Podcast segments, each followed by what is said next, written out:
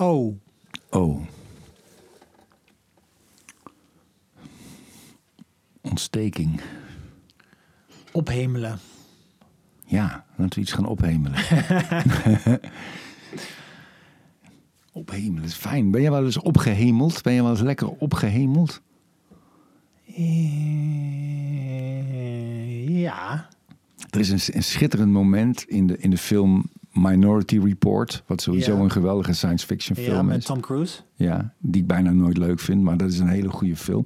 En dan is de, dat speelt zich af in de toekomst. En dan kunnen mensen eh, in een soort box gaan staan. En daar gebeurt een soort fantasie. In een soort 3D-realiteit gebeurt er iets wat jij heel graag wil. En hij is op de vlucht en doet hij per ongeluk zo'n deurtje open van iemand die in zo'n box zit. En er staat een mannetje en er staan allemaal mensen om hem heen die alleen maar zeggen: eh, Je bent geweldig, je bent fantastisch, je bent echt geweldig. En die man zegt: Oh, valt wel mee, valt wel mee. En die deur weer dicht en dan- en dan rent hij weer door. Ja. Maar dat is ook zo'n diep, natuurlijk ook een diep universeel verlangen of zo. Dat je, dat je, echt, dat je echt gewoon geweldig bent. Ja. Terwijl het ook wel weer, dat heb jij denk ik ook. En ik heb het ook wel eens gehad als iemand te complimenteus is, dat je het ook vervelend vindt. Ja, Omdat moment je denkt, het klopt, komt niet helemaal overeen met. je zelfbeeld. Ja. Of erger nog, dat je, dat je begint te vermoeden dat de smaak van diegene. ja, maar dat is dat wel- heb ik dan vaak. Dat ik denk, ja, maar als je mij zo goed vindt, maar volgens mij vind je andere dingen ook goed die, waarvan ik denk, hmm. Dus ik wil, ik wil eigenlijk liever niet dat jij mij goed vindt. Ik ben, ik ben ooit... Toen kwam ik bij een, ja, toevallig bij een radioprogramma moest ik iets inspreken voor 24 uur met. En die, die jockey was bij, bij Radio 040 of zo. Die ziet mij en die zegt... "Huh, Theo Maassen, mijn op twee na favoriete cabaretier. Maar dat bedoelde hij al als grapje, denk ik. Nee, hij was bloedserieus. maar ik was ook een beetje bedremmeld en overdonderd. En ik zei, oh, en wie zijn die, wie, wie zijn die andere twee dan? En er waren dan Bert Visser en Joep van het Hek. Dat bedoel ik, ja. Dat, Ja. je- dat relativeert meteen het, de, de ophemeling. ja, ja, sowieso. Ja, ik vond het ook wel hilarisch als zin. Mijn op twee na Ja. favoriete cabaretier. Dat iemand zo'n strikt eh, je- top, je- top 10 in zijn hoofd heeft. Het kan haast niet... eh, eh, complimenten kunnen in die zin haast nooit echt fijn zijn. Want, want je hebt dus of dat, dat iemand jou geweldig vindt... eh, en, en andere dingen die je wat minder goed vindt, waardoor je denkt, ja, maar jij hebt niet zo'n smaak. Maar aan de andere kant, als iemand je eh, ophemelt en je vergelijkt met de allergrootste in je vak, dat voelt ook super raar, toch? Dat iemand tegen mij zou zeggen, oh man, eh, Faulkner, Hemingway en Henk van Straten, dat zijn mijn, dat vind ik de drie beste schrijvers. Die, dat zou, zou ik ook super raar vinden om te horen. Dus wat, wanneer vind ik het dan wel goed om te horen? Zo ergens daartussen. Of zo.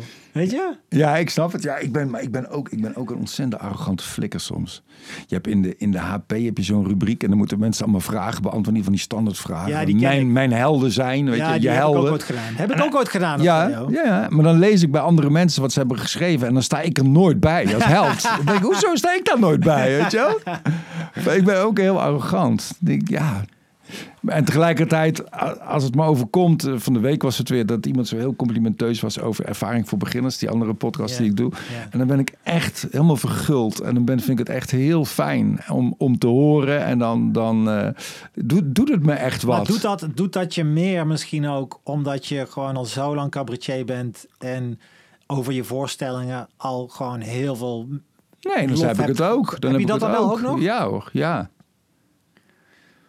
Ben jij, ben, jij er goed in? Ben jij iemand die goed kan eh, bewonderen ook? Andere mensen kan bewonderen?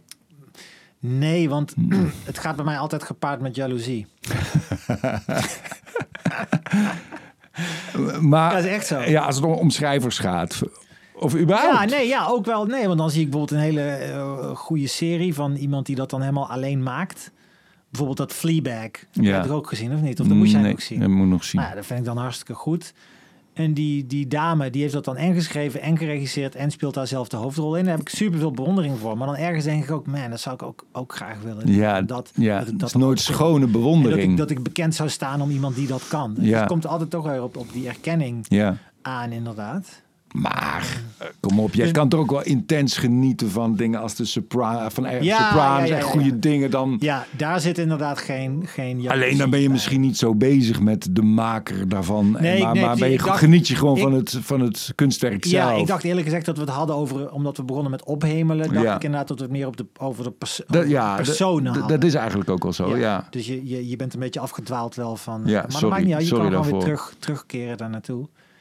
Eh, dus dat vind ik wel lastig. Een persoon... Dan zou ik eerder... Dan heb ik eerder iemand echt... Dan kan ik eerder iemand ophemelen die, die volstrekt buiten creatieve beroepen staat of zo. Wat Dus- dan? Nou, gewoon hele goede eh, dingen doet. Een keiharde werker. Ja. Die, die, die de gewone mens ziet. Daarvoor opkomt. Niet wars is van opportunisme. De, de- daar, daar kan ik dan wel echt... eh, als ik dat in iemand zie.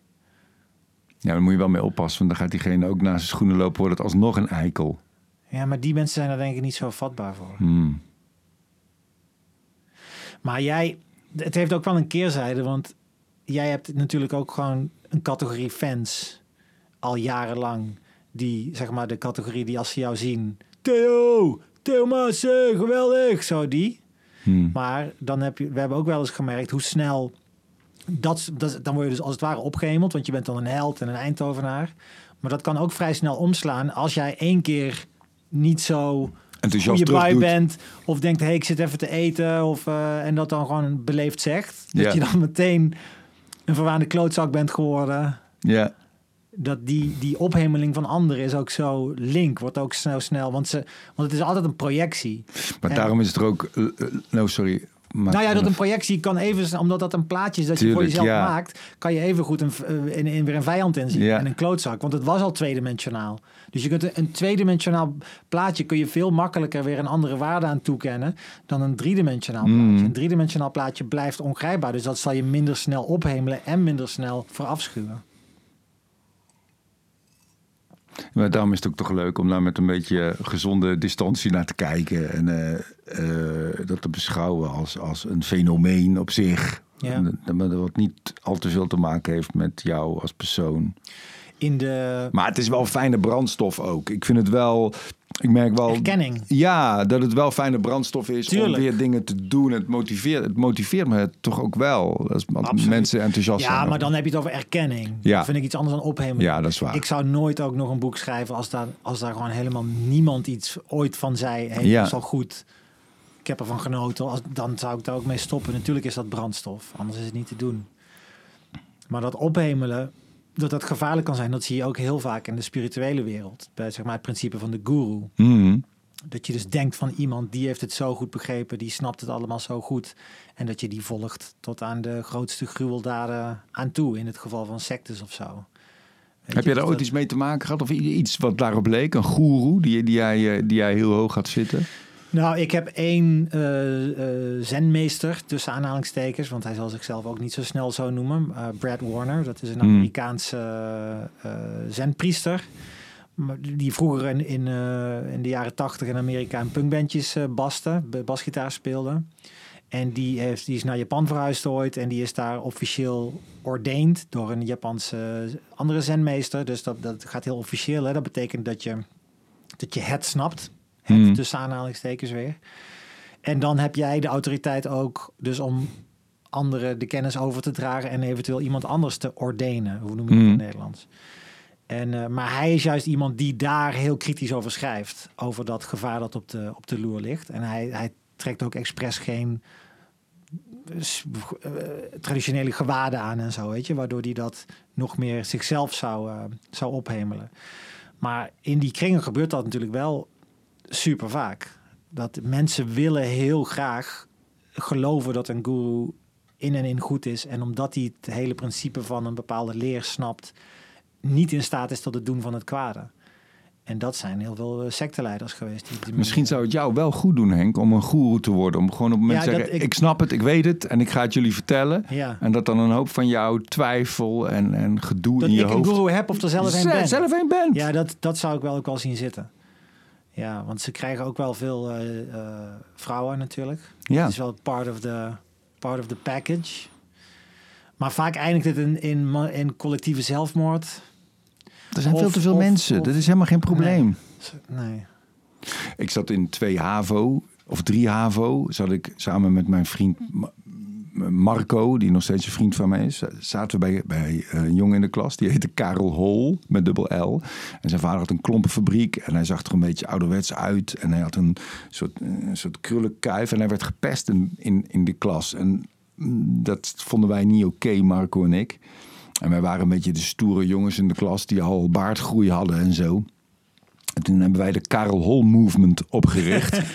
en toen, zijn wij, toen hebben we hem uitgeroepen als onze goeroe. En toen zijn wij, vol, toen zijn wij volgelingen geworden van Karel Hol. En dan ging hij naar de kapper en dan gingen wij mee. En, en hij was ook een ontzettend leuk, slimme gast, was hij. Maar voelde hij dat niet alsof jullie de draak met Nee, nee, nee. Het was net zo ironisch. Hij snapte de ironie zelf Ja, heel goed. Ik heb hem van de week gegoogeld. Hij heeft een of ander bedrijfje. Hij maakt speelgoed in, in, in metaal, van metaal en zo. Seksspeelgoed. Nee, gewoon speelgoed. Maar eh, het is wel het is eigenlijk alleen maar leuk om mensen op te hemelen met een lage status Ja. eigenlijk. Hè? Niet met Ja. een, die al een hoge status hebben. Ja. ja, die wil je vaak weer afbreken. Het schijnt ook iets typisch Nederlands te zijn. Dat, dat bijvoorbeeld die voetballers destijds, Gullit en Van Basten, die in Italië voetbalden, die konden bijvoorbeeld, ja, dat, dat zijn halve goden daar. En die mochten nergens betalen. Die konden hun geld helemaal niet kwijt. Dus die ergens gingen eten, was allemaal gratis. En in Ne- Ne- Nederland, Nederlanders schijnen een veel, wat dat betreft veel, ja, ja, ja, die een beetje eh, op je neerkijken, omdat je een dure ja, auto alsof hebt. je, alsof je dan, eh, ja, of alsof je als je een beetje bekend bent, dat je dan al per definitie jezelf heel wat vindt of zo. Ja. Ja. Oké.